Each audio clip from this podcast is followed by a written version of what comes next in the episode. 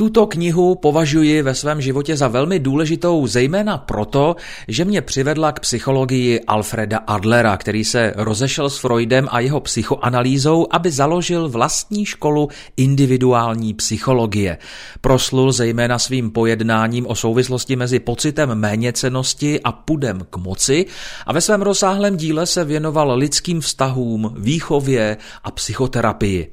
Bestseller Odvaha nebýt oblíbený je tedy dobrý start do světa nového poznání o tom, co všechno a jak může ovlivňovat náš život, naše rozhodování, naše myšlení. Otevírá jedinečný pohled na naše předsudky a také snahu o dosažení životního úspěchu a štěstí.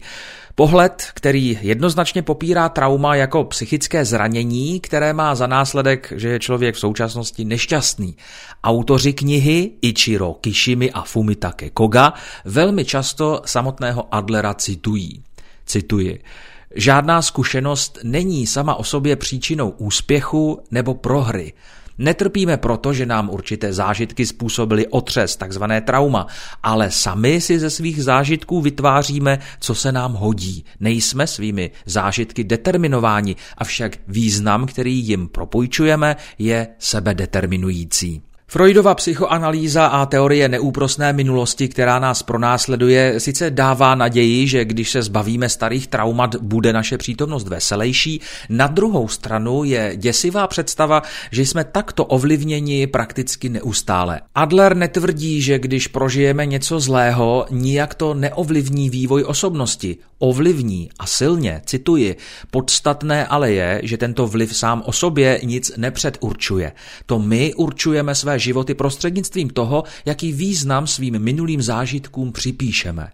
Tvůj život není něco, co ti někdo dá, ale něco, co si vybíráš sám a jen ty sám rozhoduješ, jak budeš žít. Kniha je napsána formou rozhovoru mezi mladíkem a filozofem a musím přiznat, že mi mladíkův tón a způsob jeho údivu nebyl zcela příjemný. Často se totiž jakoby naschvál rozčiluje a dává najevo svůj nesouhlas s filozofovými názory. Je přitom trochu naivní a snaží se o protinázor, který pokaždé vypovídá o jeho aktuální míře pochopení nebo spíše nepochopení aktuálního tématu. Tento způsob komunikace se čtenářem je záměrný, aby knize porozuměl opravdu každý. Někdy ale může působit neobratně, úsměvně, ačkoliv připouštím, že i dojemně. Nikdy na mě bohužel nepůsobil tak, jak by zřejmě chtěl, tedy přirozeně. Podstatný je však u této knihy obsah, nikoliv forma, a to je potřeba mít na paměti. Během pěti večerů oba protagonisté debatují o základních životních situacích a nepřestávají hledat cestu vedoucí k prostému lidskému štěstí. Filozof přitom v duchu klasického sokratovského vzoru plného příkladů ze života nenásilně vede mladíka k tomu, aby sám nalezl odpovědi na své otázky a pochyby. Původně skeptický a zahořklý mladík během dialogu postupně dospívá k poznání, jak se nenechat spoutat minulostí či ovlivňovat okolím, jak najít odvahu převzít kontrolu nad vlastním životem a dosáhnout tak opravdového štěstí. Tento druh literatury je vždy citlivý na míru vašeho vlastního vnitřního nastavení a duševního rozvoje. Některé souvislosti proto nemusíte vnímat hned, ale nakonec je stejně pochopíte, protože něco ve vašem nitru tomu všemu nějakým záhadným způsobem dokonale rozumí. Takový jsem měl ze čtení pocit a přestože nebyl pokaždé příjemný, nakonec byl osvobozující.